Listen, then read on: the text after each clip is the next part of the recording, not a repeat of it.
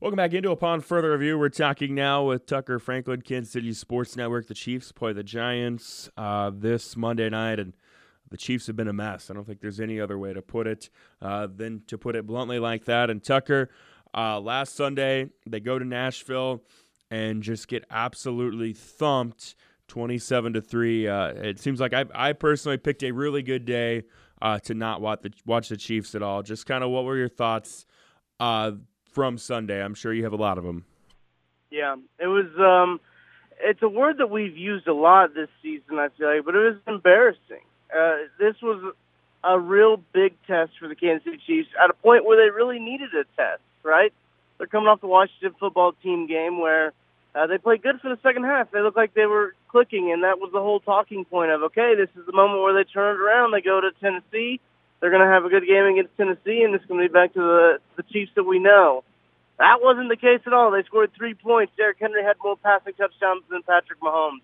Uh, so I don't think that anyone really expected that. I know personally I didn't expect that when we talked last week. I thought the same way. I thought that they were gonna they finally figure something out. They're turning it around. It was just it was just a mess of a game. The timing once again between Patrick Mahomes and the receivers, between the defense and the offense, and the special teams and the offense, and just as a, the team chemistry seems off. I don't I don't want to say relationship wise, but in, in terms of timing of everything, that just seems off, and something just doesn't seem quite right about this team. Yeah, I don't I can't really put my finger on it. Do I think the fix is on the roster? Probably not. I think that's probably an, an external fix that's going to come uh, later, either in this season or or in the off season. Look, the Chiefs are in the position now where they're now trying to fight for a wild card spot it's going to be tough to win the division. I know there's uh, this week eight right now, and we're talking about this, uh, but but it's going to be it's going to be tough. They've got an uphill battle. They got to face another a, a good Chargers team in L.A. They've got to face the Raiders twice, who aren't terrible. Uh, I mean, they've got they've got a tough schedule too. With the as you mentioned, you know they they play the Giants this week, which you know, but we don't think that they they if the Chiefs lose to the Giants, we're going to have some problems. Let's just say that. But then they play the Packers, and then they have the Cowboys and the Raiders and and the Cowboys, and that's a tough schedule. They've got one of the toughest, I think, the toughest schedule mm-hmm. remaining. They do, and that, that's not really what you want for a football team that's struggling like the Chiefs are. So if they're going to get into contention, if they're going to win the division, if they're going to get into the playoffs, they're going to have to do it the hard way. They got the Bengals too late in the year. I think week 17 or whatever, next to last uh, week of the season. They play them, and I mean they look really good right now, uh, clowning Baltimore last week. And uh, Tucker, the Chiefs sit at three and four, and you know this has just been such a roller coaster uh, of a first seven games. They lose to Baltimore, and you say, okay. Uh, you know, they're probably a Clyde Edwards-Helaire fumble away from from kicking a game-winning field goal and being two and zero. Oh. You know, so so you kind of you know that one hurts, but but you sit on it and well, they, they still got Patrick Mahomes. They're still the Chiefs. They've still got Andy Reid. They lose to the Chargers the next week, uh, and you can say, okay, um, they had like 97 turnovers in the first half. That game very well could have been 14 nothing, 17 nothing early on. Instead, the Chiefs had zero points to show for for the way they were able to move the ball uh, and just made one or two too many mistakes. They could have been three and zero. Oh. Uh, but now, you know, they sit at three and four, and you know, there's there's the narrative. There's been the narrative of, well, you know, they've got Patrick Mahomes. They can flip a switch at any time. And I think us as Chiefs fans have been guilty of kind of believing that uh, lately. But I mean, really, at what point um, do maybe, you know, us Chiefs fans and everyone in general in the NFL world probably just need to accept the fact that, you know, this is who the Chiefs are uh, and, and it's not good? I think it's now. If you look at it, we've already played seven weeks of football. That's not a small sample size anymore. We can't blame it on a small sample size or, oh, turning the ball over is not characteristic. It's characteristic of this team now. Uh, I think everything that you've seen up to this point has been pretty consistent from what you've seen in the first three weeks of the season with turnovers and everything like that. Patrick Mahomes isn't playing like the Patrick Mahomes of old. He's playing like, you know, just a regular quarterback, which I I mean, his numbers are still really good, which is funny to think about. But we all think that Patrick Mahomes is, is playing awful, but he's still got good numbers. He's just come back down to earth a little bit, and, and I think that that's kind of with the offensive play calling too. I know uh, there's been some questions about Reid's play calling of like uh, our between RPOs and, and short hitch routes and the intermediate stuff, throwing the ball deep as much, uh, which almost the same critique that he had with Alex Smith. Alex Smith did like to check the ball down, but Andy Reid didn't really call a lot of deep passes, and it's seeming like that they can't get these deep guys open, and it's hard when you only have two weapons like the Chiefs do to really threaten. Uh, so that's kind of something that's been frustrating. Matt Lane wrote actually a really good article on the KC Sports Network Substack about the offense's regression since 2018, and and he put regression in quotes because it's not like it's it's like gone to a bad offense. It's just regressed from an insane pace in 2018 down to a somewhat human and normal pace in, in 2021. So I think that it's just something to watch for and, to see how uh, Reid and, and, and Mahomes and, and all these guys on the offense kind of respond to what it, what was probably Patrick Mahomes' worst game of his career. Um, I don't think that that's hyperbole in saying that uh, the Super Bowl wasn't great, but I mean, I, I do think that this Titans game was was just a poor showing all around for for the offense. Listen, the defense pitched a shutout in the second half. People will try to hang their hat on that. Uh, but the game was never in, in reach for the Chiefs. The Titans didn't even attempt to pass in the fourth quarter. Um, so that just shows you how close that game was, and, and it wasn't close at all. Uh, so that's that's just something I, I want to see some changes, uh, but I don't know if we will ever get to see them. Yeah, I I don't know either. Tucker, I'm going to put you on the spot here. If you could, you know, wave a magic wand uh, and, and be able to fix what you feel is the biggest problem right now, what do you think it is uh, there in Kansas City?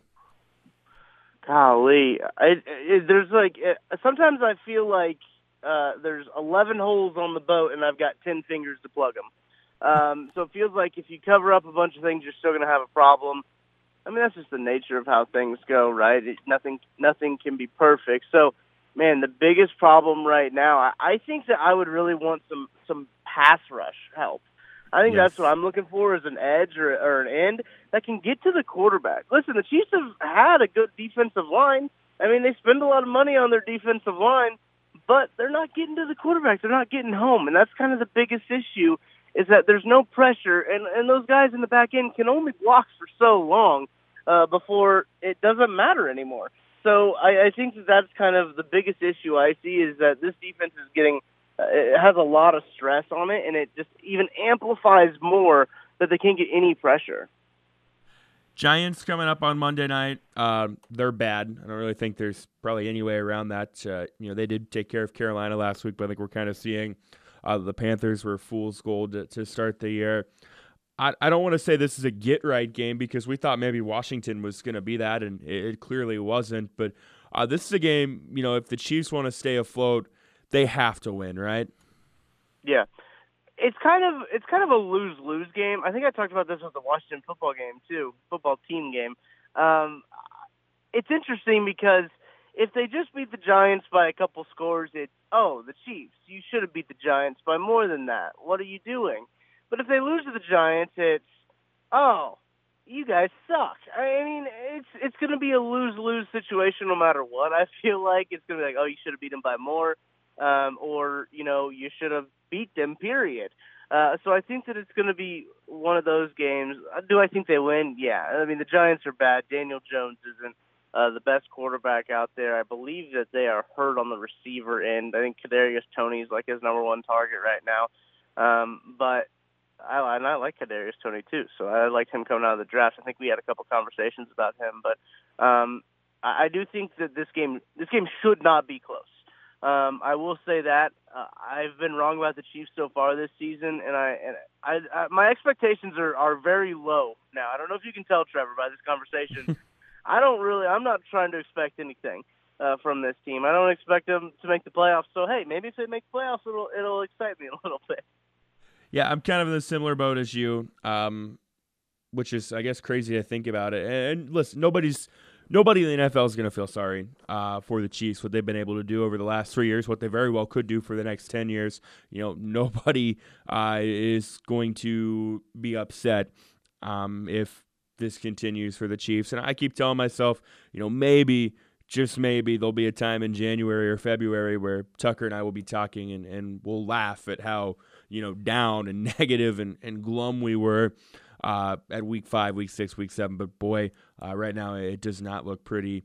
Uh, Tucker Franklin, Kansas City Sports Network. Tucker, uh, looking around the NFL real quick. We've got about 90 seconds. Obviously, Packers Cardinals is a big one. That's tonight. Uh, man, a really good Thursday night football game.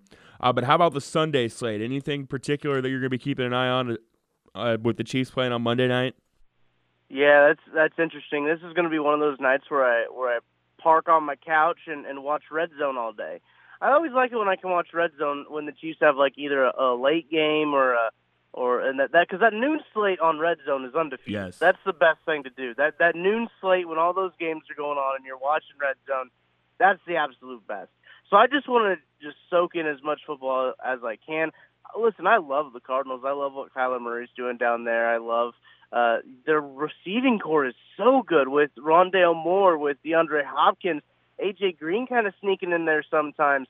I really like what they got going down in Arizona. I'm a big fan of that club. It's a real litmus test game tonight for the Cardinals. See if they are the real deal. If they beat the Packers, then they're the cream of the crop of the NFC, and I'm really excited to see how that goes. Also in the NFC, you know, the Rams. I, I kind of want to see the Rams get back on track with Stafford. I'm a big Stafford guy, so I want to see them do well. I think uh, either you or I picked them to go to the Super Bowl. I think I did. Um, yeah, because uh, I I I want to see that team do a little bit better. But man, I'm just going to be kind of keeping my eye on the Chargers and and the the Broncos and and the Raiders too. Just kind of keeping an eye on the AFC West and see how that all develops.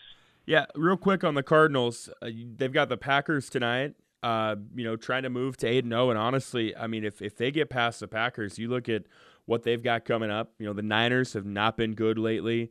Um, you know, Seahawks have not been good. Uh, they've got the Bears coming up. I believe their their toughest test would come week 12, week 13 uh, when they take on the Rams. They've got the Cowboys in there as well um, later on in the year. So this is a game where I think if they win, they can really make a run uh, down the stretch. Yeah, they've got they've got the Niners on next week. Then it's Panthers, Seahawks, Bears. You know, the NFL is weird. Maybe there's a loss in there, but they very well could sit at 11 and 0, 12 and 0 uh, before battling with the Rams. So it'll be fun to keep an eye on. Again, Packers, Cardinals tonight. Chiefs, Giants on Monday night. Maybe the Chiefs can finally uh, make Tucker and I at least satisfied. Tucker Franklin, Kansas City Sports Network. Tucker, thanks a lot for the time today, man. We'll catch up again next week. Yep, always a pleasure, Trev.